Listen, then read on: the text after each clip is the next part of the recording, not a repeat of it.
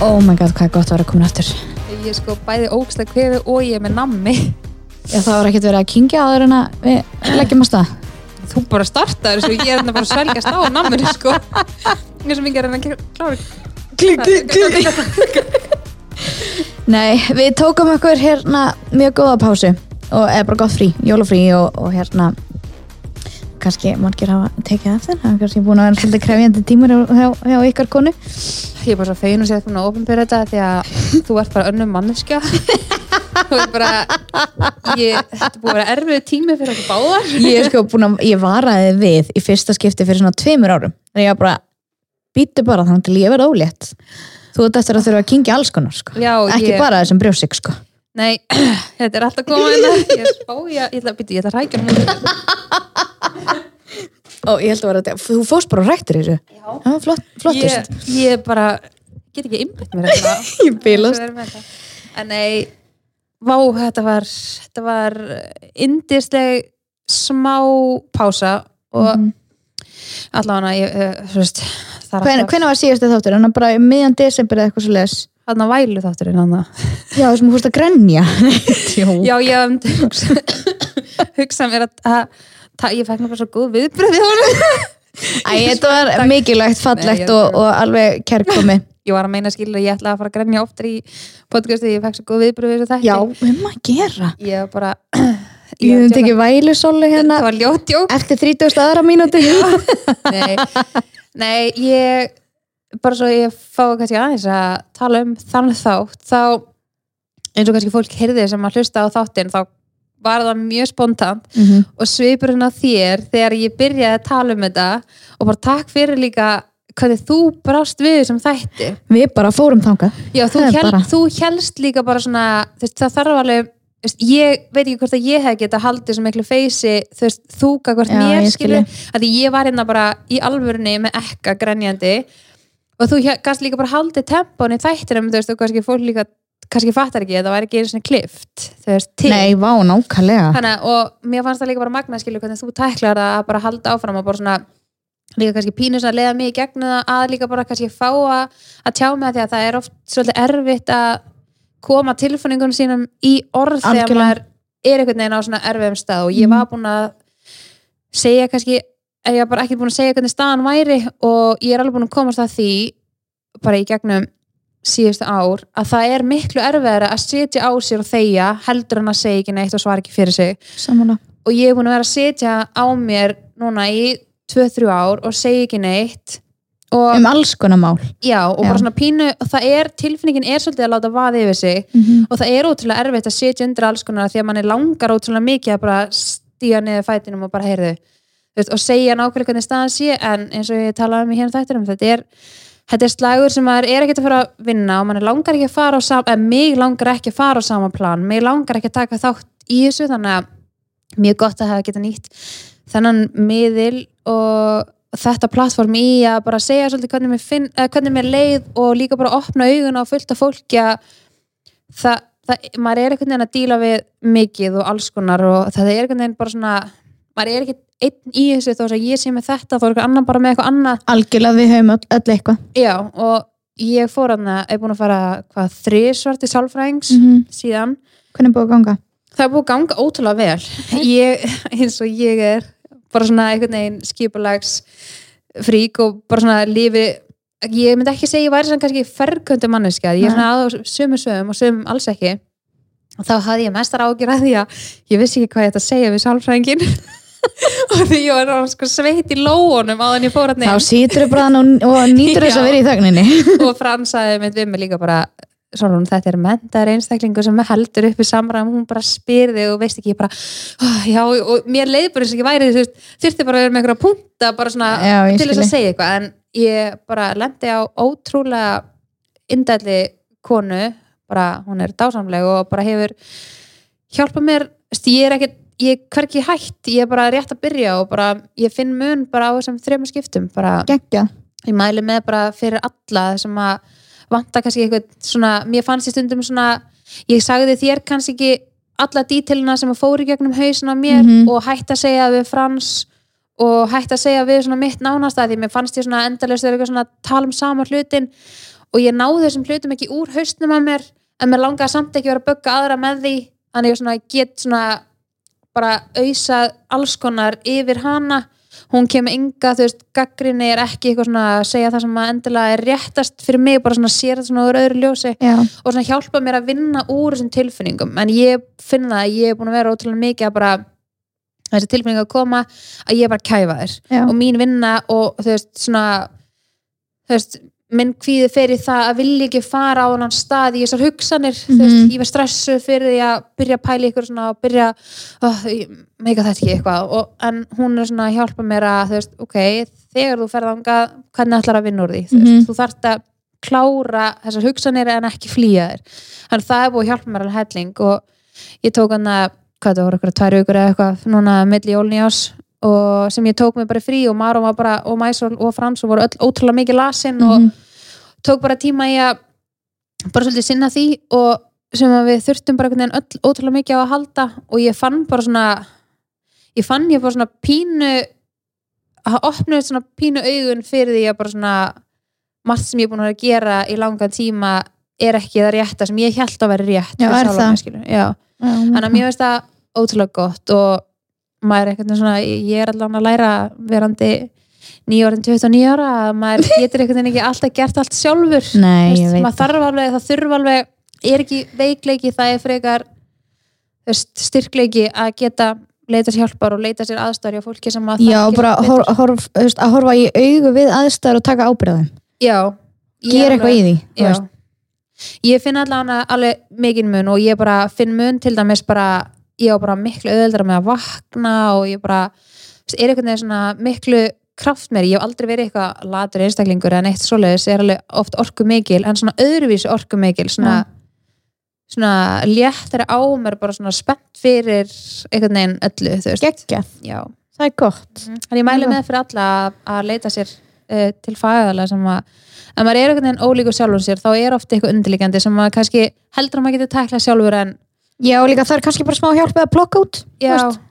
og líka bara svona létta þú veist, bara það að segja þetta við eitthvað og bara svona ræða hlutina Algjörlega, og er bara líka bara að fatta það, þú veist, að það að fara til fagaðila er ekki endilega þú þarft ekki að hafa lent í einhverju eða Nei. það þarf ekki að hafa neitt, neitt eitthvað sérstakt tráma hafa átt sér stað eða eitthvað Nei. svona atvik, það er stundum bara holdt og gott bara fyrir viðhaldið á sjálfinu að bara halda sér við og, og vera bara heilbröður einstaklingur og vilja eiga í góðum samskiptu við fólki í kringu sig og, og bara svona halda sér við að þá er bara gott að fara bara reglulega og, og heyra í einhverjum. Já, mér fannst nefnilega alveg svona pínu þurfa að vera með eitthvað afsökun og þetta, þú veist, mitt viðhorf var svona hvað ég að segja, ég veit ekki hvað á ég að byrja og líka bara í fyrsta tímanum þá bara bara óði úr einu í annað og bara, og, þú veist, bara einhvern veginn bara svona heldi mér yfir hana og svo svona pikkaði hún út bara svona hægt og rólega og svo fór ég næsta tíma og þá fór hún samt að taka eitthvað sem ég sagði í fyrsta tímanum Mhm. og svona, hann að hún augljóslega er mjög fær í því sem hún er að gera og það var eitthvað svona sem ég var hrætt um að myndi ekki ná að stjórna sem bara er rosa mikið hvernig karakter ég er Veistu, svona, þarf einhvern veginn að hafa allt undir minni stjórn en leiðum að finna það maður svona bara, ég finn það bara og ég fann það eftir sérstaklega jólafrið að þú veist þegar ég stíg tilbaka og hlutinni ganga alveg upp og ef ekki betur þó svo ég stíg annars til hliðar skilur það er ótrúlega góð tilfinning og mikið léttir fyrir mig mm -hmm. ég er svona ekki kannski tilfinningin að maður finnast mér ómissandi þetta er ekki svo tilfinning, þetta er meira bara svona að þú sérst ekki að bera allt já, bara svona ok, Ein. já, bara svona ég, veist, ég get alveg líka aðeins slaka en það er fullari fólk í kringu þau sko. Þau geta alveg tekið ábyrðað einhverju sko. já, já, ég tengi mjög mikið þar. Eða, þú veist, ég þurfti að læra þetta rosa fór ekki annað þetta tímabil bara þegar ég var úlingur út af því að ég á þú veist, pabbi minn er svona, hann er algjör svona bara út um allt og, og þú veist, er bara svona algjör svona bara kall. Og hann hérna, ég var að vinna hjá honum. Og hann sko ég er alveg þannig að ég, þú veist, ég stendur mín lofvorð og, og er rosa svona hérna, bara, ég, er bara með, er með skriftað blað og og hérna verkefni mín og ég klára bara eitt, eitt skrif í einu, di, di, di, en hann er, þú veist, hann er með, þú veist, ofirkni og aðteglisbest og eitthvað, hann er bara svona eitthvað neina að gera allt. Já, já. og er bara út um allt. Og þú veist, þú hefur séð hvernig hann er. Og hérna og ég fann það bara, ég var kannski tók, þú veist, síman og bara eitthvað svona, já, eitthvað svara símanum fyrir hann, hann er svona kannski eitthvað að tala við eitthvað, eitthvað inn á skristofi og og ég var svona, já, eitthvað, hann er í einu samtali eitthvað, um, hérna, Svo, já, ok, getur, getur gert það, ég er búin að ná í hann svolítið lengi og, og hérna, það er oft talað um að það sé erfiðar að ná í hann heldur en fórsetan svo eins og mig, kannski líka. En hérna, og já, ég er búin að í, reyna að ná í hann svolítið lengi, getur þau passað að hann ringi mig? Og ég bara, já, ekkert mál. Og þarna er ég komið mission. Já, og hérna, þú veist, þetta er bara svona dæmi gert bara yfir, þú veist yfir alls konar aðstæður, þetta er bara svona gott dæmi fyrir þetta, en þarna þurfti ég að ég fyrir til pappa og ég er bara svona, herrið, þú veist, þessi var að byggja um að ringi sig, þú þarfst að ringja hann. Og hann bara svona, já, já, ég gera það eftir. Ég bara, ég treysti því ekki að hann gera það eftir. Þannig að ég satt bara yfir honum og ég var að trillast. Já, já. Þú veist, ég var bara, þú verður að ringja hann þú verður að gera það núna eða bara getur passa og getur lof, lofar mér því að þú ætti eftir að ringja hann. Hann bara, slakað á. Ég bara ringi hann? Þegar ég vil ringja hann. Og ég bara, ó, þú veist ég bara, ég, gat ekki, veist, og ég var, það var alveg tímpúntur sem ég fór bara á klósett og ég fór að gráta. Er þú, já, þegar maður svona finnst maður verið eitthvað stöðu sem maður þarf að, já, ég, ég var bara að klára, að þú skilur getur ekki eitthvað ábyrst eitthvað annan það er nefnilega málið og ég, svo endanum þá þurfti ég bara að setja mig við það. Ég bara, ok, hann er svona og ég er svona og þetta er kannski bara á ekki, veist, og þetta var bara gott þroskastökk fyrir mig, af því eftir þetta þá bara það var ekkert endilega bara með þetta eina símtala svona alls konar mál sem hafa komið upp og ég er svona og eftir þetta það var svona eitthvað, ok, ég lærði bara af þessu tek síman, eitthvað, já, eitthvað herru, hann heyri bara í þér þegar hann heyrir í þér. Já, já. já, já, ok, eitthvað, getur þú beðan um að ringja nei, nei, ég get ekki beðan um neitt þú bara heyrir í honum þegar já, bara gangið veist, þannig að hérna, þetta er svolítið svona að ég tengir rosa mikið við þetta, vera með svolítið alla ábyrð, heimsins ábyrð á herðum sér og ætla einhvern veginn að að vera á hnefanum að reyna að koma öllu í gegn. Já, þegar þú ert actually, þú veist, og svo er þetta náttúrulega líka, veist, og við höfum talað um í meðvirknistættinum og svona meðvirkni kemur líka út í stjórnsemi. Já, algjörlega. Þú vilt stjórna öllum í kringu þig bara og ég var alltaf, veist, áður en að ég fór að, fór að vaða í það, þá var ég bara að trillast yfir því að fólki í kringum mig var ekki að hlusta mig. Já, Það er okkur ekki að gera þetta eins og ég vil gera þetta.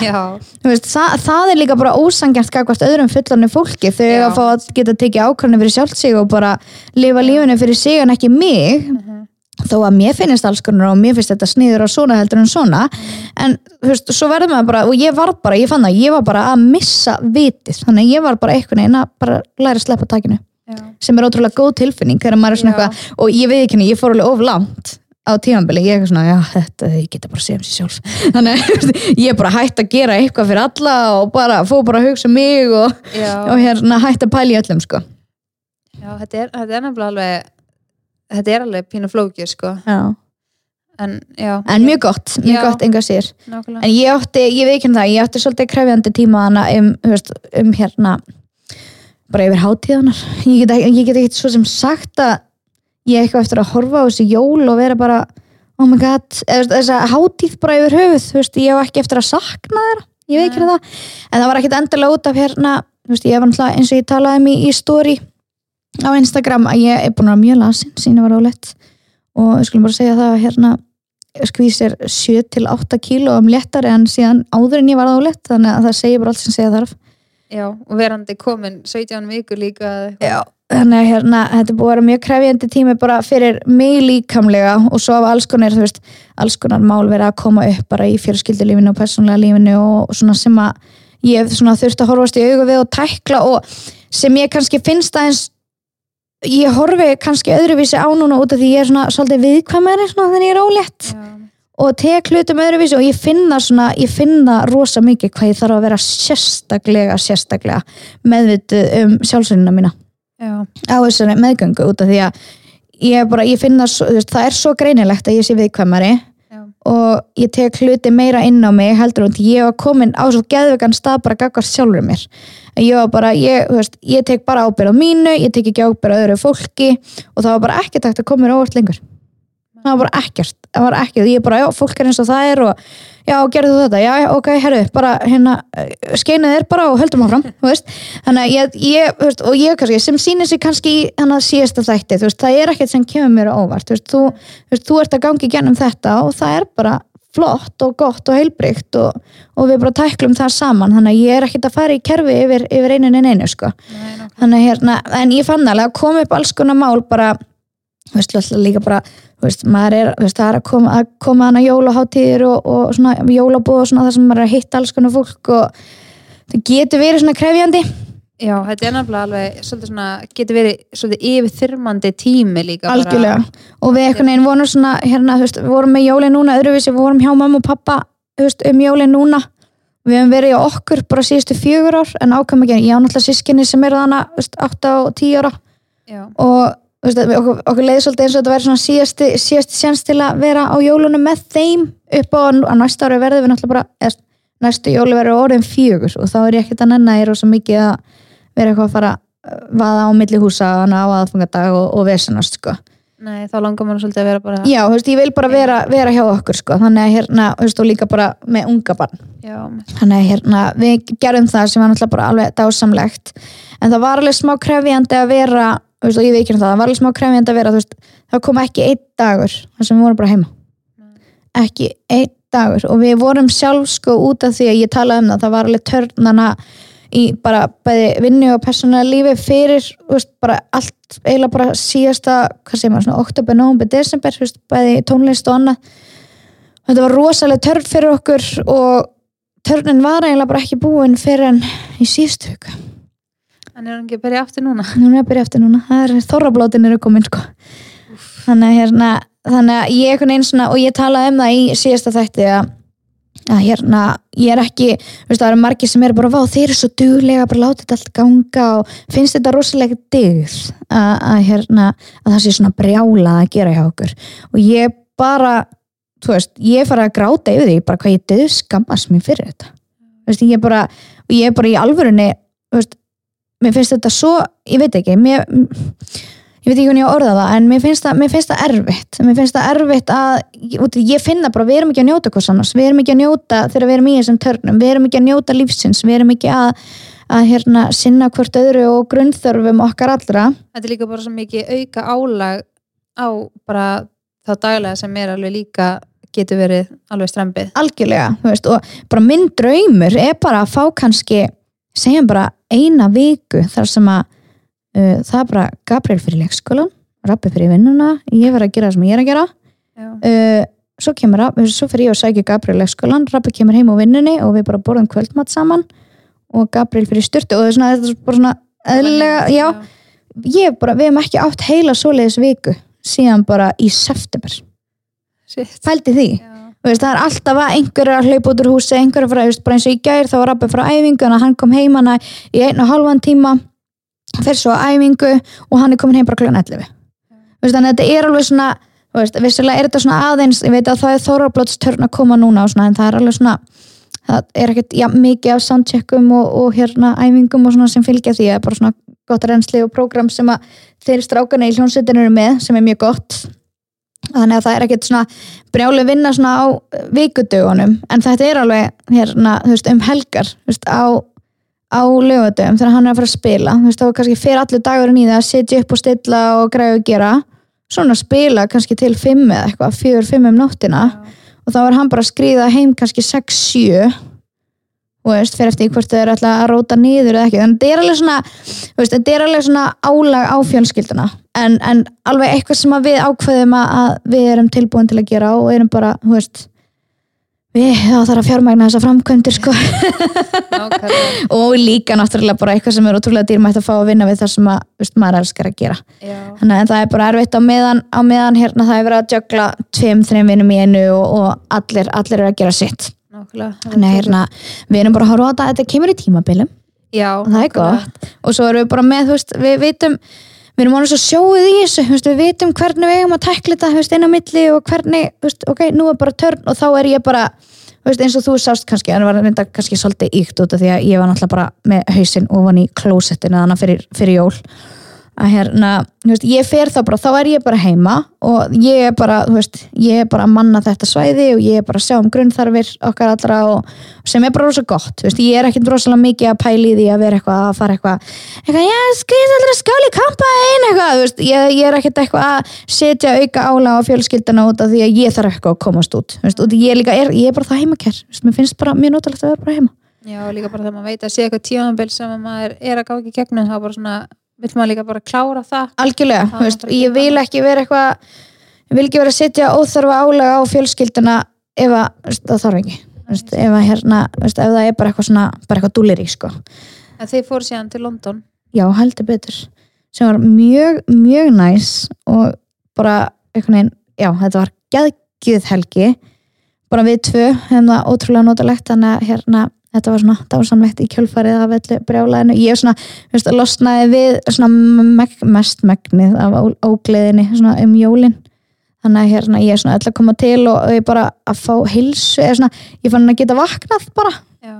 Þú veist, þegar maður er svona næringasnöður og er ekki að koma inn í húnisnöðu og lifi bara powerhead og eitthvað og er þetta svolítið krefjandi. En það var bara svo ótrúlega gott að komast í hérna, komast bara smá 2-1 líka já, líka bara þó svo að ég var sko, ég skelldi við að bara sjá sjá krakkalabandum hann á Oxford og eitthvað bara með, með fóruldri sinni, ég var bara, oh Gabriel.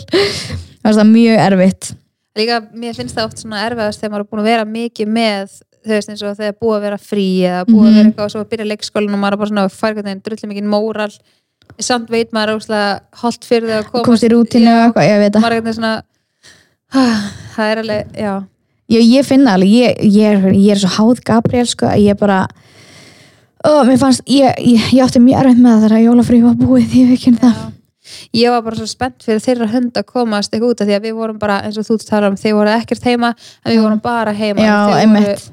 þú veist, bæði ótrúlega mikið lasin og Maron fekk hann að lúnabólgu og svo fekk hann eyrnabólgu og svo var hann með 40, eh, yfir 40 stegi hýta næstu í viku og það bara kom bara eitt, það bara svona eitthvað klárast og þá bara tók annað við. Þannig að ég var bara svona fyrir þeirra hönd taldi ég niður dagana þá til að þau getur komist bara og eins og fyrir Maron bara komast í leikskóluna því að það er alveg pínu erfitt þegar maður er með tvö börn og þegar, er, þegar þau eru heima eftir leikskóla er þau svo vöna að vera tvö saman. Já, en svo þegar hún fyrir leikskólan og hann er einn heima og hann er bara hvað er mæsól, hvað er mæsól vantar einhvern veginn pínu þennan félaga, það svona fannst mér pínu erfitt þegar að leikskólan byrjaði aftur og hann auðvitað fó bara í einn dag í leikskólan og var síðan Já, veikur í tíu dagi viðbót þannig að þetta var alveg kre krefandi tími en, en samt sem áður alveg ekki frí og var líka bara svona ymmit, næs að fá að vera bara heima og vera bara einhvern veginn með fjölskyldina bara vont veður og bara svona bara gera kakk og horfa mynd já, og allt þetta.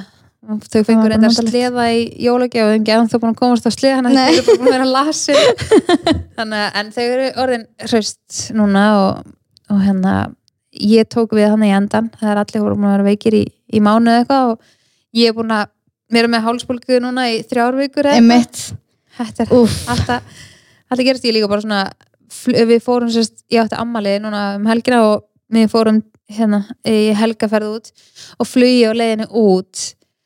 Það já, versta þetta flug fór svo í sem eiruna ég, já, ég var búin að vera með hellu í bara viku eða eitthvað. Og var bara svona, já, bara maður einhvern veginn svona pínum venst í að vera með hellu einhvern veginn, Mhm. þú veist, bara svona fyrsti dagur er hell og svo svona, að þetta var alltaf svona bærilegur og bærilegur einhvern veginn. Svo fór ég í flugið og gerði mér ekki grein fyrir hvað ég var með mikla hellu þegar ég fyrir flugið og ég bara svitnaði og það bara lag af mér og ég bara satan og bara tárum bara spýttust. Þetta var svo, oh sásökin var bara fáralegur þetta er svo ógæðslega vond Já, og ég líka svona upplifði bara svona innilokana kent, mér fannst, ég gati ekki, þú veist, mér langaði bara að standa upp og bara öskra, þú veist, það maður veginn bara svona ólaði niður í eitthvað sæti og bara eitthvað ógstum ekki af fólki og, að ég veit það ekki, þetta var, þetta var mjög erfitt, en flýjuleginni heim, heim var mikið betra. já, svo losnaru við, við hellina eina í smára lindin Já, þegar við vorum eitthvað að rölda þá þá eitthvað, byrjar bara svona grípur um eiraður í eitthvað hvað, veist, það er fyrir að leggja þig inn eða hvað hérna, það var svo losna við hellina og svo kvellurinn í eirun á mér og það kom svona bara svona heit tilfinning í eirað, Oh. ég var bara oh my god, og ég er nefnilega með rosalega mikla svona fóbíu fyrir sko að að það blokki eitthvað eirun á mér ég get alveg með húu og svona en að eitthvað svona fyrir yfir eirun þannig að ég heyri minna. Já, nú lokir svona já, fyrir heyrnina í rauninni ekkert kannski eirun beint en þannig allana, þú veist eins og ég fyrir ká og ég fæ hellu eða eitthvað, það, ég fæ eitthvað svona innilökunkend og ég er alveg með viðbjóð við sko, þú veist eins og oh my god. ef ég ligg og er að horfa á sjónvarpið þá get ég ekki leigið alveg á eiranu þannig að blokki skilur heyrnina. Það finnst mér eins og ég nei, ég verða þetta er ógæslega skrítið. Og þetta er bara eitthvað sem maður Þú voru að hafa svona smá opið veist, við kottan, já Þetta er ótrúlega, ó, mjög steikt en mikið var, mikið var gott að losna þér hell í gær. Var að vera svakalega lengi þannig að, þetta er gott. Já, Þannig að við erum alveg, alveg hérna heiðarlegur og hreinskila með það. Það er búið að smá krefjandi tími að baki en, en hérna gott, engu að síður, mjög gott. Góðu tími algjörlega. Og hérna bara mikilvægt að- að fara í gegnum svona í lífinu og, og hérna ganga í gegnum það. Já, algjörlega. Ég held og að sjú upp í nefið hérna? Vistu ekki, er, þetta ekki geggjað? við erum báðar held ég en þetta skiptis, þetta er bara þessi tími Herra, hérna. það er bara gul viðvörun, skilur bara hérna, er ekki allir vinnir eða? Já, nákvæmlega. Ég, ég var um þetta að hugsa að þegar vorum að hérna, þegar, maður kom svona tilbaka svona eftir lægð í, á Instagram, svona eitthvað en létt sjá sig aftur og eitthvað. Og ég setti eitthvað með, með langa að heyra hvað sko fólki langa að sjá og eitthvað svona típist bara sem maður gerir stundum og stundum svona kannski vantar manni smá svona Inspo? já, og svona kannski smá spark í rassin eitthvað. Þegar maður svona, finnst maður einhvern veginn alltaf að gera sama og eitthvað. Og þá fekk ég svo mikið að skilabóðum þá var þetta bara svona beint eftir helgina sem við vorum úti. Og þá var svo mikið af fólki sem að sendi mér alveg svona alveg, þú veist, ég veit að þegar maður segir eitthvað þá eru ótrúlega margir sem búin að spurja eitthvað Mhm. og ég veit að fylgta fólki sem bara ránkvólfur augunni yfir því og bara eitthvað, "Ah, það var enginn að spyrja. En ég alveg bara sko frá bara í alvörunni þá voru ótrúlega margir sem sendi mér og segðu það var svo gaman að sjá hvað ég var hamingi sem var gaman að sjá hvað ég var glöð. Og ég var bara svona vá hvað ég veginn og kannski líka því ég síndi alveg mikið frá þau ekki endilega úr augunum mínu það sem ég sá heldur Algjörlega. líka þú veist það var einhverja myndir af mér Já. það er heldur líka sem að fólk kannski hefur hingað til séð minna af Mm og fólk er eitthvað svona ég sakna þess að veist spjall í frontkameru og spjall uh, svona að sjá meira þess, af þér og það sem þú gera og svona einhvern veginn hverstasleikin og þetta típiska, típiska sem maður svona vannmötu svolítið eins og við höfum alveg oft talað um -hmm. en mér fannst alveg svona, ég veit ekki mér, ég, Og gott að heyra já, þetta. það er ótrúlega gott að heyra það. Fólk er svona, þú er búin að vera svo glöð alla helgina. Og maður bara sér bara hvað er glöð og hvað er að njóta þess fyrir úti og eitthvað gaman að þú veist, fara frí og eitthvað og sko minn til hamngi og ammali og hvað ég alveg Æ, Þetta er dýrmætt, þetta er svo Já. ógislega gaman. Það er svona, ég, þá sér maður líka bara svona hvað það er mikilvægt líka að rósa fólki. Já, ég, mér finnst ég alveg duglega að rósa fólki og reyna að vera mjög duglega að rósa fólki eins og við talaðum að því að mm. Mhm. það gefur mér alveg aukið búst og sjálfströst þegar ég get rósa ykkur öðrum. Algjörlega. Mér finnst það svona kostur og svona mér líður betur með sjálfum mig þegar ég rósa öðrum. Og mér fannst það alveg svona Já, það eru framkvæmdur í húsinu bara afsakið að þið heyri borið hérna. Eitthvað illt í maður ok, taldu svo Bilast. eila húmor. Ég verði eiginlega að segja eitt. Ég var með steiktan fisk í matinn í gær. Og ég kannski finnst þetta ekkert fyndið. Það er svo fyrir, þú hlærir svona sérstakann hátt þegar þú ert að hlæja sjálfur. Þú fyrir svona svo fyndið hvað þér finnst þú fyndin já, og ég er svona og ég er náttúrulega sagði Frans þetta í gær og hún var ekki fyndin þannig að ég er svona, veit ekki ég þú var að koma með þetta. En ég er svona, og það var steiktan fisk í gær. Og ég er alltaf með steiktan lauk með. Ok, og það er eitthvað sem var að spyrja eitthvað svona því að í uppskriftinu þá setji ég lauk og smjör í fiskin Já. inn í opn og svo setji ég auka skilur steiktan lauk ón á fiskin af því að erst laukur sem fer inn í opn og steiktan laukur er ekki að sama. Nei en bæðið gott. Og ég er eitthvað að útskýra fyrir þessum einstakling eitthvað, já þú veist ég nota þú veist bæði og nefnum ég segi ekki steiktur laukur þú veist því að þú veist, ég skrifaði bara vittlust og ég skrifaði alveg tvísar sem steiktur laulur Laulur? Postaður því það? Er það? Er þetta í stóri hjá þér? Nei, ég setti það bara, ég, þú veist, ég var að svara fólki message Nei, Ég bara, og fólk eitthvað, já ok, takk, þess að fólk fattar það, skilur, að mér finnst bara steiktur laulur, það er bara þetta er okkislegt orð. Laulur. Já, bara laulur. Og ég var bara, ég var svo ógeðslega fyndið. Og ég var ánd að hugsa þetta þá í gær að, eins og þú veist, allt sem er svona stafsetning sem er fyndið Mm. og hérna, ég til dæmis þegar ég saði þarna frá sögunni, því ég hérna skrifaði bestu hverði solli, því ég var að senda Já, mjög já, mikilvægan já. tölvuport og hérna og hérna og þá sko skrifa ég oft nafnum mitt ef ég er að drífa með að skrifa þá liggur oft vel við að veist það hérna komið annað orð út í veist, ég alveg oft þú veist, hvað er sóltún, ekki sólrúm Nei. þú veist, T og R, jú, sólrúm þú Já, veist, ekki N, er sólrúm, sóltún og svo var einu sem sendum daginn og ég var búin að skrifa þetta hjá mér að ég var svo ókysla fyndi og hún sagði, hei, ég var ekki að hlusta á podcastið á þér og vanilu Nei! Það er þetta ekki ég, ég hef heyrt þannig að þeir, ég veit ekki það og ég var bara ha, og mér varst það bara Það er líka á leiklaborðinu Það er sé og vaffeldi frekar nálagt, er það ekki?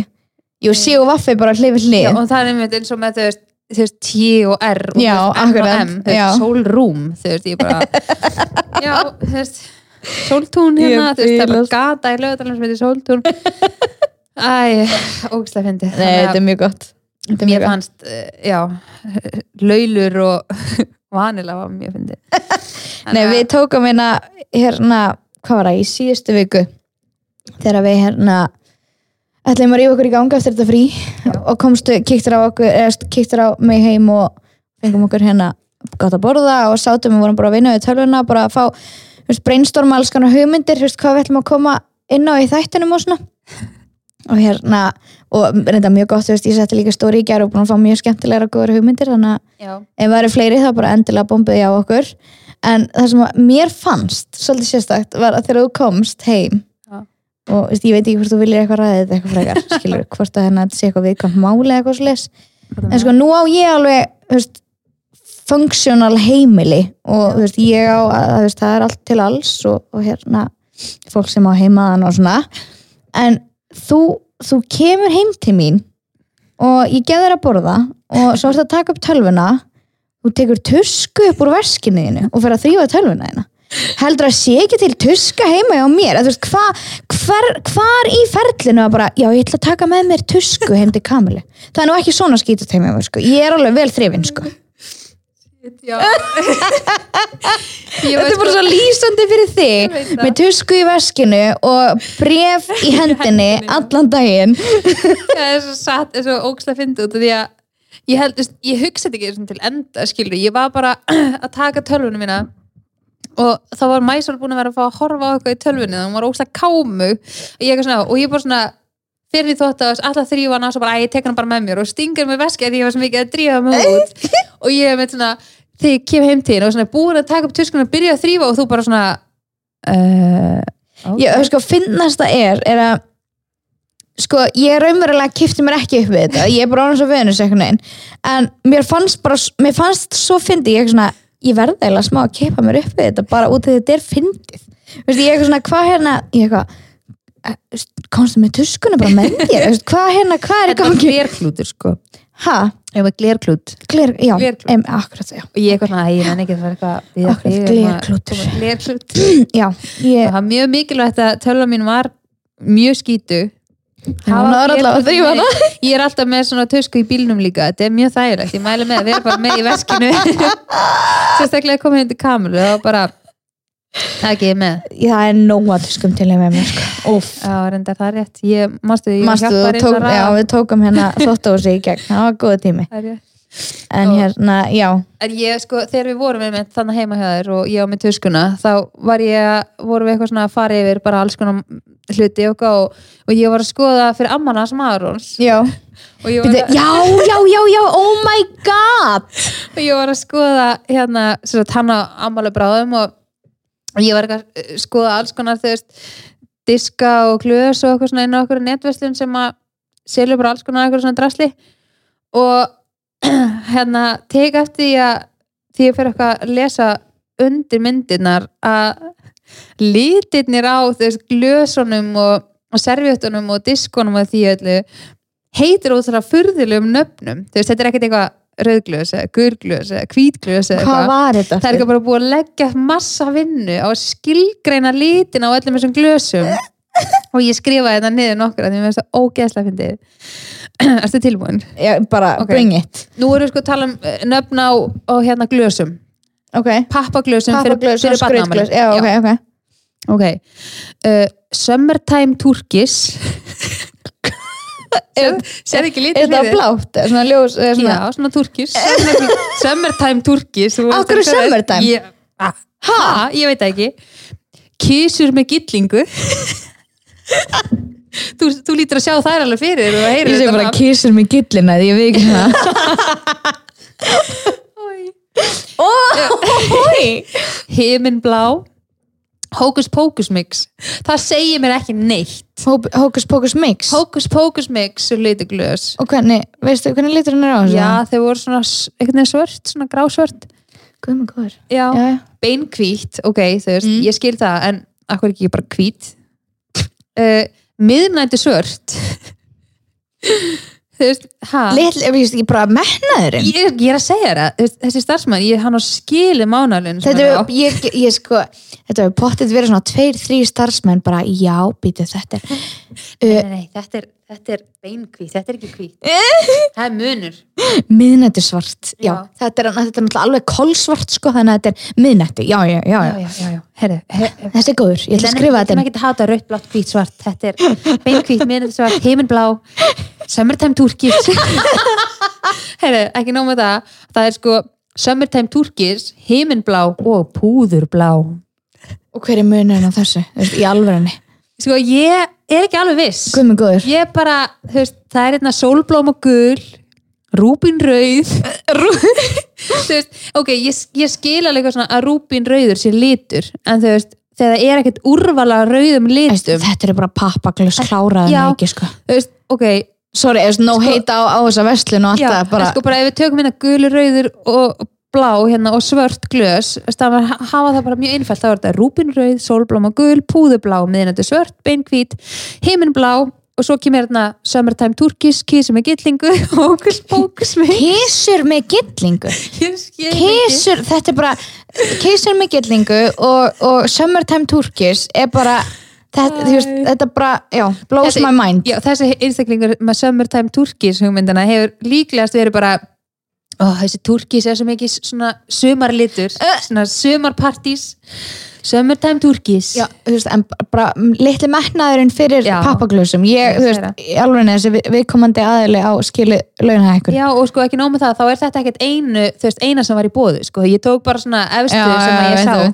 og ekki nóg með það, þá hétu sko diskarnir og, og servetunar annað, sko. Þetta, þetta var veist Var þetta heljar en apparat? Já, ég er að segja það, þetta Geggjað. þetta var svaka. Ég fíla þetta, mér finnst þetta fyndi, mér finnst þetta skemmtilegt, þetta Ég- ég úthugsið markaðslið Já. eða eitthvað til að vekja um eina sem ég hugsaði, er ekki góð markaðslega því að þú googlar bara blá pappaglös það er enginn að fara að googla hérna Summertime Turkish eða bara, heyrðum við matta svona, uh, svona hi, nei, ekki himinblá, heldur svona púðurblá. Er ekki að fara að googla það sko, þannig að ég held að, já, ég veit ekki með þetta en Ég, ég, Ertu búin að ákveða að lita þeim að fyrir? Heyrðu, já, ég er náttúrulega- Summertime Turkish Já. eða, eða hvað, kettlinga Sólblóma- gillina hvað var það? já, ég, já, ég svona var líka gæla við sólblómagul svolítið fyrir þau. Algjörlega. Það var ekki alveg rétti guli litur samt, sem ég var þannig að Oh my god, ég bylast þetta var, þetta var gott sko. En ég er allan að byrja í ammælis undirbúningi og ég er mjög spennt. Ég elska, ég elska svona að fá svona hugmyndir fyrir allt. Og ég þarf alveg, ég var að segja frá hans, ég þarf alveg að vera svona Og svolítið svona dúllar í þessu. Já, ég þarf líka bara svona að vera með ákveðna hugmynd og búin að svona ákveða þú veist eins og núna veit ég svona sirka hvað þetta að gera Mhm. en ég er ekkert að fara að plana það neitt fyrir en að ammæli kemur síðan Nei, og þá svona, já, heyrðu, ég ætla að gera þetta. Þannig að ég er svona já, mér er fínt að vera svona búin að ákveða fyrirfram að því að ef ég er ekki búin að plana neitt og svo kemur að ammælinu þá svona að ég, ok, ég svona metna en ég þarf að vera svolítið svona halda mér á tánum. Algjörlega líka bara út í að þú hefur svo gaman að þessu. Já, Skemmtilegt. Já, svo var ég eitthvað að því ég er búin að vera að skoða svo mikið eitthvað svona einhverja hugmyndir á netinu og eitthvað og, og, og svo fyndi ég um þetta eins og maður að panta sér flug og svona á netinu að hvað maður er kannski bara allar að kaupa fyrir kannski alveg háa upp að maður kannski kom með þú veist, segjum bara 60 dólar eða eitthvað, einhver körfu eða eitthvað að kaupa eitthvað drasl en svo kannski sendingakostnæðurinn eða forfallatryggingin á fluginu kostar kannski 20 skall eða eitthvað. Og ég kannski að setja það fyrir mig að nákvæmlega. 3 dólarar í sendingakostnað æ, æ, slepp þessu. Þetta er svolítið mikið sko. Þetta er skellur, þetta er skellur á Það er svo fyndi hvað maður er samt, ef maður er tilbúin í eiga kannski 10-15 skall í eitthvað en svo kemur eitthvað svona 500 kall. Oh! ah, æ, æ, beil Æ, þetta er bara, við erum svo ógislega steikt bara sem human, mannverur. Ég er að segja það, mér finnst bara að þú veist, ef þú ert búin að mesla fyrir ákveðnu upphæð þá ábæður ekki að vera sendingakostnær þá Nei, er en svona það er hvetjandi að, þú veist, ég er alveg til að kaupa mér eina flíki viðbót í staðan fyrir sendingakostnær, skilur við Já, þá ertu samt að eyða meira, miklu meira en sendinga ég er að græða.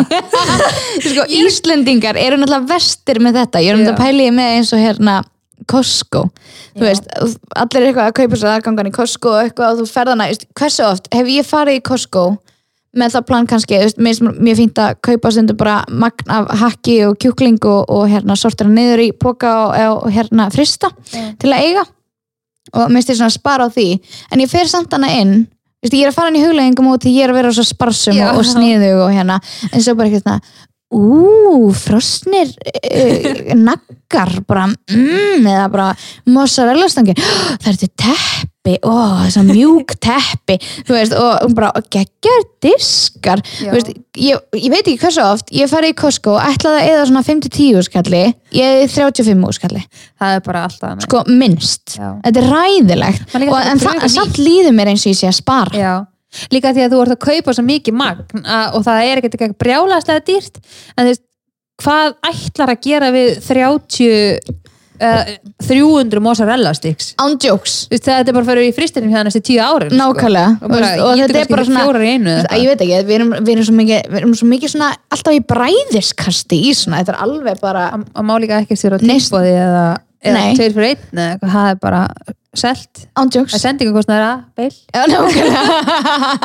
það er bara þannig. Ándjóks er flug, flug hérna sem er á góðu verði og svo er þetta að kaupa tösku og þú, þú veist, þú ert til Nei, að fara nakin í flugi sko, og sleppa töskunni.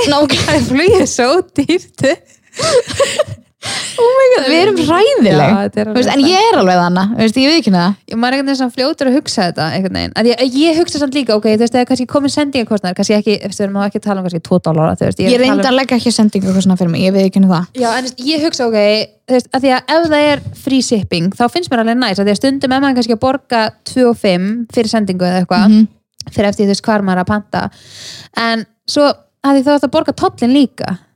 Já. og, og ef þú borgar hérna auka 25 segjum bara auka, ég veit ekki segjum bara 20 dólar eða eitthvað þú veist, 15 dólar eða eitthvað það leggst ón og heildar upp hana þannig að tollinin verður alltaf dýrar og dýrar Nákvæmlega, það er það, er, það er það sem er pyrra Algjörlega. mig en líka bara, og, þú veist, vestlarinn heima þetta er eins og, hérna, ég var einu svona að vinna með heimkaup og þá, þú veist, pantaði oft mat, þú veist, og leitt senda heim og svona. Og það var, þú veist, ef þú vestlar fyrir meir en fjögur og níu eða eitthvað slegist, þá færi fría heimsendingu. En ég var alltaf að reyna að vestla fyrir meir en fimm veist, þannig að hérna þá græðir þú, að þú ert ekki að borga sendingu nákvæmlega, en samt, þú veist, ef maður pælir í því ef ég væri bara að kaupa eitthvað fyrir tvö skall eða eitthvað og myndi, þú veist, borga 1400 kall í sendingakostnað, þá er það samt minn en 5 skall og ég er að eyða minni pening. Þú veist, hvað, hvað þú hefði kannski getað fengið eitthvað auka hana fyrir Nei, ég er að græða. Já, er rosa svona ekki sendið. Ekki fyrirtækið. Já. þetta er alltaf svona, við erum, við erum svo, já, við hugsaum sjálfhverf. mikið. Já, ekkert smá sjálfkvæð Nei, en þetta er bara, þetta er sérstakt. Það- mjög sérstakt. Það er fyndið að neyslu pæla í minnstrið okkar er, er alveg, alveg út úr Já. hróa, sko. Uh, líka bara bara einhvern veginn svona, maður er svo mikið að nýta sér bara svona að geta skoða á netinu þú veist, mér er svona, það eru bara mikið af fyrirtækjum að, þú veist, að rífa sér í gang núna síðustu bara mánuði og ára að vera með mikið úrval á netinu og uppdýtt allt á netinu og eitthvað. Og mér finnst það svo mikið snild og sérstaklega eins og fyrir okkur sem þjóð sem er svona mikið skamdegi og eitthvað að geta, þú veist, mér finnst það alveg kvartning að geta til dæmis skoða, segjum bara ég er bara að leitast eftir í ykkur, ykkur búð sem bara kringluna eitthvað, geta farin á neti og bara, já, geti til þannig að kosta þetta mér finnst það meira hvetjandi að ég fari á staðinn og Algjörlega. kaupa, þú veist, ég er ekkit endilega bara svona, kaupa allt og fæ allt samt heim, þú veist, Mhm. þó sem ég finnst það líka næs en mér finnst þetta gott að vera búin að skoða eitthvað því að mér finnst ekkit allt eins, þú veist, ef ég skoða eitthvað á netinu og ég sé það kannski ekkit í búðinni en ég sé það á netinu. Veist, get skrolla í gegn ég veit ekki endilega hvað það er í búðinni. Þannig ég elska þessa þróun með að það sé allt á netinu og, og allt svona ég er náttúrulega bara að elska að fá allt sendt Það heim. ég vil bara helst aldrei fara í buksur og fá bara allt sendt heim og vera bara heim hjá mér. Ef ég mætti ráða þá væri það þannig. Ég alveg, ég, þá færi ég ekki út úr húsi og ég væri bara góð. Ég er alveg stundum þannig en stundum fæ ég alveg bara svona ó, mér langar ótrúlega mikið að komast út og bara, líka bara einhvern veginn svona komast í sinn eigin heima aðeins Já, og bara ég svona skil. aðeins að að ég veit en svo ekki, bara rölda já, ég Já. hef líka ógstlega mikið áhuga á þú veist, ég get labbað í svona húsgagnarveslunum endalist já, ég er sammála ég elska bara að skoða ljós og sófa og eitthvað ég bara og Ég líka bara sérstaklega núna, þú veist, eftir að þið fluttu og þið eru Já. ennþá innrætta og greið að gera þannig að ég líka bara ennþá að venjast í að þú veist, ég er ekki að hugsa bara svona já, allir við flytjum eftir ár eða tvö ár, ég er ennþá svona, ég er ég er búin að búa henni í eitt og halvt ár en og ég er bara að fara að búa hér eða, Já, nákvæmlega. það er svo einhvern veginn svona öðru tilfinning þannig að og maður líka vanda sig fyrst fyrir vikið meira Já. við innbúið, veist, ég er alveg þar í eins og veist, það er, hafa margir kommentað það er ekkert að veggjónum hjá okkur nema, veist, eins og listaverkin í stofu og eitthvað spegill og eitthvað svolítið, sko en hérna það var einhvers, ég man ekki hver það var það var einhvers sem kom í heimsón hengt og bara eitthvað "Hvað, þeir eru með enga myndir eða neitt? Jú, og við erum alveg, jú, við erum búin að gifta okkur og það er brúða myndaþekkan og allt það en ég ætlaði svolítið að fara í það og ég vissi að þú veist, það var náttúrulega planið núna að verða hérna, eftir að reyna allavega veist, og við vorum það heppin að við urðum ólétt og hérna það var planið eignast annað barn. Þannig ég er rosa mikið eftir að fluttum inn í þetta hús verið að býða eftir því að fara þú veist, í myndatöku þú veist, fjör, ég meiki ekki eitthvað neginn mér, hefur aldrei fundist fjölskyldan vera fullkomnuð. Og við þrjú, veist, við erum ekki svona mér finnst alveg ykkur svona góð tvö ár þá er ég búin að vera bara svona, það vantar eitthvað hérna það vantar eitthvað hérna, þú veist, Já, sem er bara ótrúlega dýrmætt að finna og, og vaða í svo, þú veist, og, og fá þau fórættindi að að geta árið álitur það er ótrúlega gaman að vera fjögur. Já, það er það sko. Já, þannig ég er ótrúlega spennt fyrir því að, að, að fara í ég hef ekkert verið að stressa mig á því að vera að setja neitt á vekkina að græða að gera þetta, ég bara að veita þú veist, við ætlum að fara í fjölskyldumyndtöku þegar ég er búin að eiga og, já, og svona eiga fallega myndir myndir fyrir vekkina þa þar sko, veist, með barninu. Mm -hmm.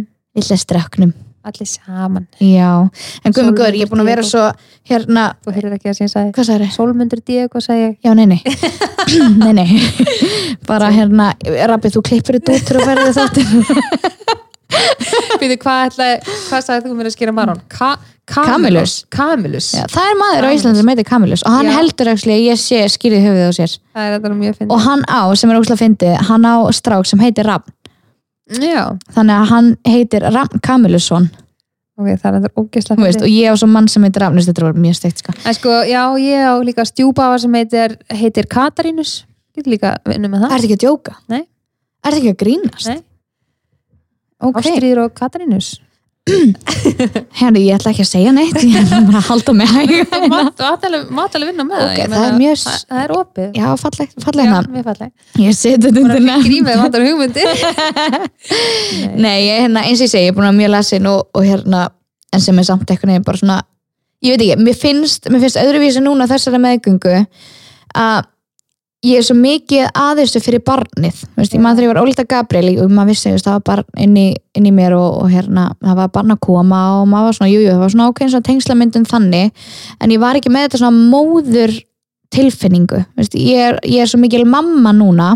Já, vissir ekki alveg við hverju áttir að búast almennilega svona, þú veist, Jú, svo sem alveg. Já, jú, jú, ég, ég vissi alveg nákvæmlega hvað, þú veist, ég er náttúrulega á sískinni, þú veist, þegar ég var 16 og og 18 ára, en ég, svona, ég vissi ekki hvað tilfinningar kæmi. Nei, nákvæmlega, þú veist, tilfinningin per se, þú veist, ég, ég veit allt, þú veist, hvernig á að gera allt ég veit allt um lítilbörn, ég, ég var bara með allt á hreinu, sem er kannski partur af því að það hefur bara alltaf gengið svona vel, skilur út því ég bara, það er, ég veit hvað ég er að gera og hérna en það var svona kannski tilfinningin sem ég finnst, ég það er svo erfitt að útskýra ég er veginn svona, ég er svo meðvituð um að þetta sé litla barnið mitt. Já, ég og ég er bara að leifa því að taka allt plássið sem það mögulega þarf hjá mér.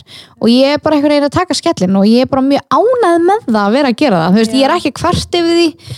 Veist, mér líður ekki, veist, eins og bara líkamlegi kvillar þegar ég var ólegt að Gabriel, þá var ég bara eitthvað, ó, ég vorkendi sjálfur mér mjög mikið og þetta var allt ömulegt og eitthvað. Og ég er bara, núna er ég svona bara eitthvað, já, þetta er bara þetta er bara svona, þetta, já, algjörlega þú veist, ég er einhvern veginn, já, það er alveg rétt ég er ekki svona svona- sjálfselsk með líkama minn. Nei, maður svona veit líka þú veist hvað maður fær í staðin og maður svona, þetta er tímabil mér fannst líka bara svona fyrsta meðgangan vera lengri að líða Já. heldur en hinn og bara svona, nú maður tilbúin til að fórna alls konar til þess að fá annan einstakling. Algjörlega, en ég er svona einhvern veginn, já, ég einhvern veginn svona vissi ekki tilfinninguna sem var að koma til mín,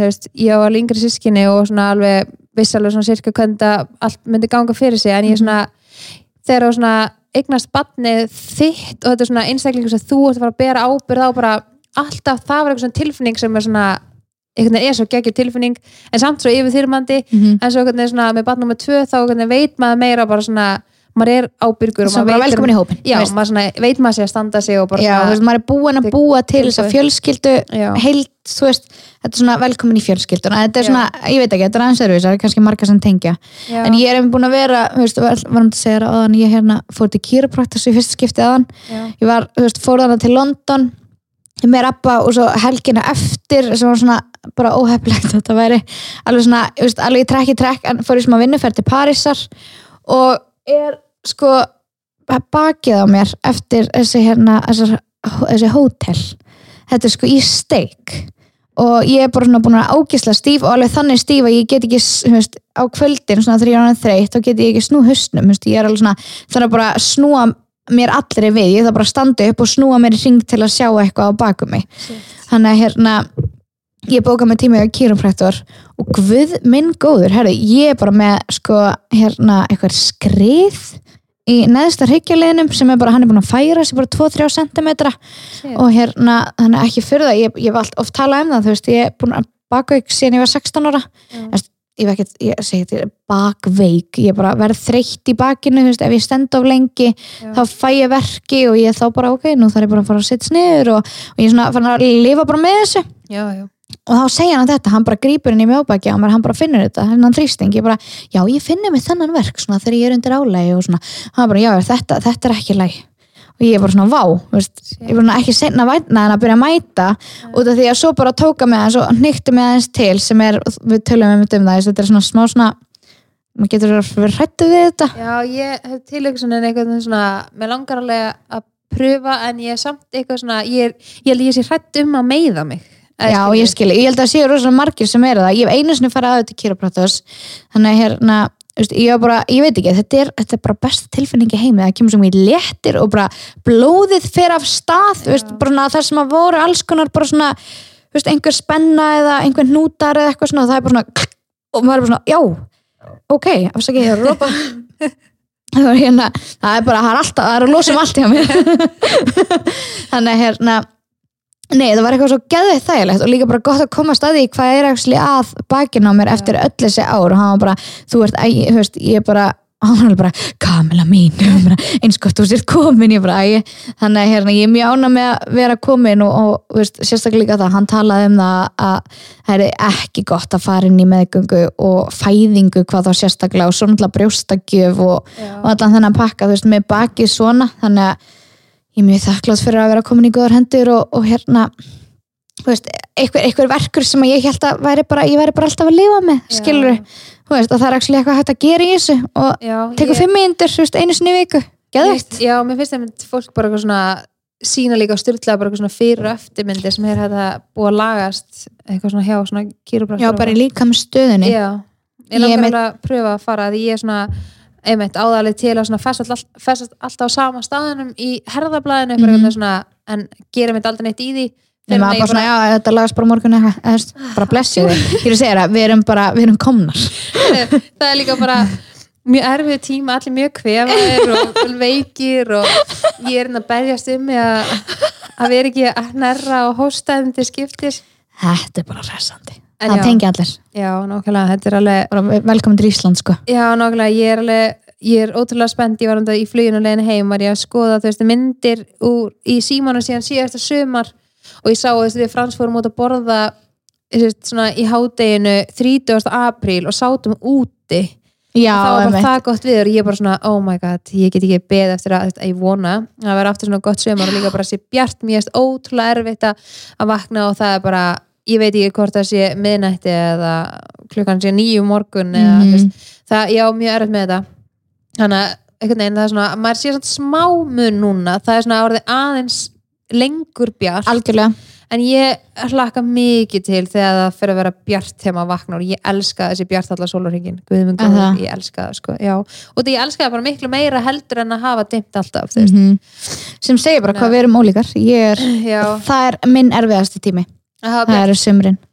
Já, eða bara svona, ég veit ekki, mér finnst bara mér finnst vera svo mikil pressa veist, ég er bara já, svo erfitt með pressu á, veist, ég vil eitthvað nefn bara fá að vera bara í mér og, og með bara mínu fólki og hafa bara notalegt veist, mér finnst einhvern veginn svona ég upplifu oft eins og að sé bara já, það verður bara að fara þangað og það verður að gera þetta og það þú veist, ég er bara svona, herru, ég vil bara gera hlutin á mínum tíma og ég vil bara hérna allir séu rólegir og, og ef ég nenni því ekki þá vil ég bara ekki nenna því.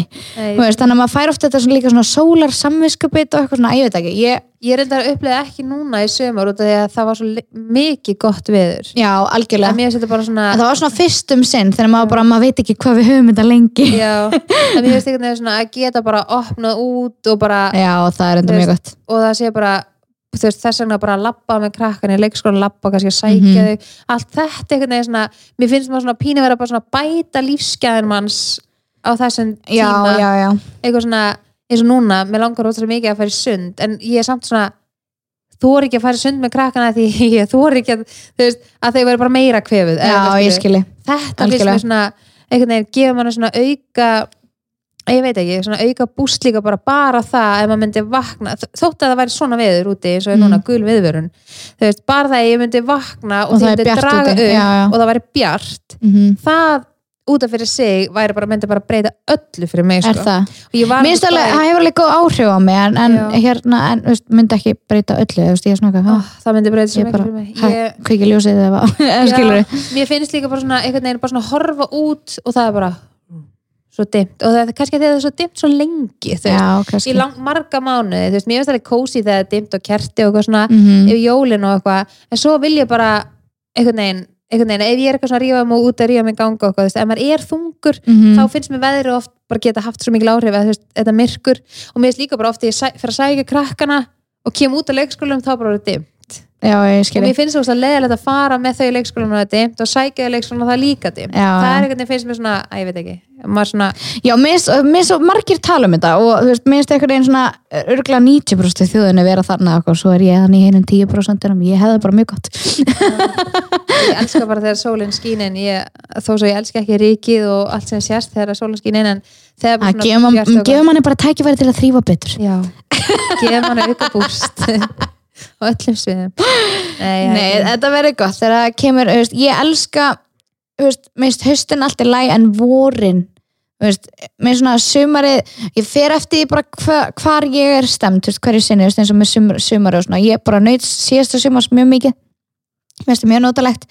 En hérna, en vorin það er, þar á ég heima sko, ég er bara, þegar það er svona aðeins farið að byrta, en það er samt svona, löfblöð og það er smá blöytt og, veist, ég veit ekki, mér finnst bara allt eitthvað svo notalegt við þetta, þetta Já. er bara Mér finnst það strax, uppáhald sko. strax skára heldur en sko svona, janúar, februar, byrjun mars finnst mér alltaf erfiðast Mér finnst Mhm. alveg kósi að hafa dimmt svona veist, loka águst, bara áttum november, -hmm. desember svo finnst mér það bara komið nóg þegar við fórum hann snemma í, á árinu hann til LA Mhm. og þú veist við vorum hann í, eða, það var ekki snemma, það var í mæi eða eitthvað. Það fór mér í júni það var samt ekki var samt ekki þetta var bara ömulegt sumar, Já, það var að var líka búið að vera svo ógeðslega lengi dimmt og maður kom heim og maður var bara ógeðslega peppaður og bara búin að fá D-vitamin bara bombu eitthvað en ertu duglega að taka D-vitamin? já, er það? já, Ah, okay. og það er að sjá vitamin skamti minn það er ekki að gera Já. neitt fyrir mig, ég er búin að fá fjórar frunsur síðan um jólin þrjár núna bara í janúar já, ok ánæmiskerri mitt er bara í hakki sko. ég já, er bara, já, ég veit það hann að já, en ég tek alveg mikið, ég er búin að vera að passa mig að taka alveg mikið af vitaminum og þú veist, bara mm fór hann í blóðpröfu eitthvað og fekk að vita skilur þú veist hvað ég ætti að bæta við og eitthvað -hmm. að, það getur oft verið einkennandi þú veist, fyrir fólk sem er ekki að meika skamdegi og svona, það er bara, þú veist, daginn sem ég fatta þetta með D-vitamini er bara, veist, það bara snýrist allt við hjá mér. Veist, mér finnst þetta svo magnað. D-vitamin og C-vitamin þetta er bara, þetta er stórkostlegt apparat, ég, ég mun alltaf predika það og mun aldrei hætta því að að hvetja fólk til að lesa sér til það og, og jafnvel prófa það og finna það. Já, mér finnst líka mér, mér finnst það bæði og líka B-vitaminin gera ógst mikið fyrir mig. Já, B12 sérstaklega. Algjörlega. Ef ég tek það ekki þá bara þá er ég ennþá verri sko. En eins og segi þú veist, mér finnst þetta alveg bærilegt núna en, en þetta er alveg, alveg, svolítið langt tími. Já, líka bara gott að komast í, þú veist, eins og núna þú veist, við erum bara að koma okkur aftur í rútinu og, og hérna, þetta er svona allt að koma. Ég finn það alveg. Þetta Já. verður geggja. En ég fór yfir hérna, setti Instagram story í gær baðum svona spurningaboks fyrir hérna bara fyrir podcasti, þú veist, ef að, ef að hérna hlustendur, hlustendur eins og við séum eitthvað, wow, próf hérna kláraði mig ekki. Hérna, ef að fólk myndi myndi vilja heyra okkur tala um eitthvað sérstakt. Og fengum alveg nokkra góður hugmyndir sem að ég held að við hérna tökum kannski fyrir. Enda mjög margir að tala um því ég er náttúrulega nýbúin að tilkynna meðgönguna Já. eða óléttuna að hérna vildi heyra, heyra mig tala um hefst, meðgönguna aðdraðandan að henni og ekki hvernig barnið kom undir hefst, í hvað stellinga en svona meira hvort þetta hafi verið planað eða bara hvernig það var Já. og hérna hvað sé framöndan og svona hvernig við ætlum að tekla þetta uh, og svo fengum við líka þannig að já, og okkur dætt í hug veist, út af þessu að einmitt þú veist, taka kannski næsta þátt svolítið bara um ég veit að við höfum tekið þátt um barnignir Já. en það er kannski svo, svolítið gaman að gera þetta svona þegar þetta er svona fest líka Já, og líka bara, ertu að meina þá meðgöngu? Já. Já. meðgöngu og bara svona, við En við- fengum hérna einhverju sem hún að byggja um hérna meðgöngu sögur við líka tókum ekki neitt eitthvað svona meðgöngudæmi eða í batningna þetta. nei, það var meira svona bara um Við vorum að fókusa á eftir það því að þú veist, við líka pínu held ég held ég opnum bara að við gætum algjörlega, akkurat í alveg sér þátt að það er alveg ákveðin þáttur út fyrir sig bara meðganga þú veist, og líka það sem að maður er að gangi í gegnum skilur um, og svo var ein hérna að hún orðaði þetta svo vel ein sem að sendi hérna inn bara með þáttinn. Ég finn þetta ekki. Nei, nei. þetta er svo mikið Það er allir að senda. Já, meðganga og fæðing eða það sem enginn talar um í sambandi við það. Já, sem er- við höfum alveg og við höfum alveg talað um þetta okkur á milli og ég held að við höfum alveg veist, allavega eitthvað að segja í því þannig að við Já. kannski tökum alveg sér þátt um það. Og svo er bara eins og já, og svo er bara svona eins og hérna um, sengulegan fyrstu dagarnir og þú veist, það eru náttúrulega alls konar podcast þú veist, á Íslandi, þú veist, og Íslands podcast um svona hluti sem er náttúrulega bara frábært en gaman að heyra líka bara mismunandi mismunandi sögur. Um, já, alls konar bara hugmyndir af þáttum sem við getum farið að gefa út. Já, og ég er alltaf mjög spennt. Markmið okkar er allavega að, veist, að reyna að koma markvist með þætti veist, og bara reyna að að halda okkur gangandi að við, svona, við erum pínu svona duttum út af, út af okkur Já, svona, ég held að líka, ég ætla að horfa á þannig við tölum um það að hérna að við erum ekki meinin að pressu eða, eða eitthvað eitthva svoleið sko og við munum, munum aldrei gera það en áhugin er alveg til staðar okkur langar að- 100% þú veist, og við hefum oft fengið spurningar þú veist, ef að líða, líður eitthvað smámilli þætti að þátt að bara, þú veist, hvað er þið hættar? Hvað er, þú veist, er eitthvað í gangi, maður er eitthvað svona, nei, þú veist, þetta bara kemur þegar það kemur. En við ætlum svona aðeins að setja kannski, þú veist, út í að fókusun okkar hefur kannski meira verið á miðlan okkar. Já. Og okkur langar að setja líka fókus á þetta núna þannig að hérna við, Ég lofa. líka, þetta vinnur líka vel saman og maður getur fengið að, svolítið að tjása því að ég fann það alveg, veist, þegar við komum ekki með neitt podcast núna út í, í desember og eiginlega allan janúar, veist, þannig að ekki eitthvað brjálaslega mikið Nei, það mitt. sem mánuði, að þú veist, það maður svona þetta svona pínu heftar mann líka á hinum miðlunum, þú veist, Já, eins og algjörlega. Instagram. mér veist það alveg svona, þegar maður heldur góðu flói á báðum stöðum, það mm -hmm. Haldið öll í gangandi sem ég er svolítið Algjörlega. gaman að geta að horta á raunveruleika þætti og fylgst með á Instagram á saman tíma já, einmitt eða svona pínu hugmyndi mín allavega þú veist eins og ef ég er að horfa á Lofaland þá get ég fylgst með á Instagram hjá Já. við, við komandi líka mm í rauntíma þannig að veist það er svona svolítið sem að mér finnst skemmtilegt að maður svona þú veist fólk sjáu við sér taka upp podcast og veit þá þátturinn kemur inn já, algjör og líka bara fá Strax. að vera á þessum persónulegu nótum og hafa það nótilegt og þægilegt og heimilislegt og, Já. Og að fá viðbröðin eru náttúrulega bara eitthvað dýrmæta, dýrmætasta sem maður gerir. Kamilu Pepp og sendi mér að ég sé glöð og, og hann ég held að ég sé alveg búin að ég, það sprakk allt hjá mér þegar ég tilkynnti meðgönguna sko. ég, ég við ekki mig sigra það ég mun hérna ég játa mig sigra það að ég mun aldrei, aldrei komast yfir þetta en ég mun gera mitt besta og ég veit að það, það veit að það allir þannig að það hérna- er líka óraunhæft að líka því að Instagram opnar Já, og þetta fer bara allt í eitthvað svona chaos sko. svo bara íðir Instagram þessu þannig að Algjörlega. svona, já, já, þetta er bara stagur sem maður aldrei að fara að vinna. Þetta er harður heimur maður. En ef að segja þetta gott í bylli og koma bara hressar og kátar aftur í næstu viku? Já, ég held það bara. Ætla þú að do the honors? þetta voru bara við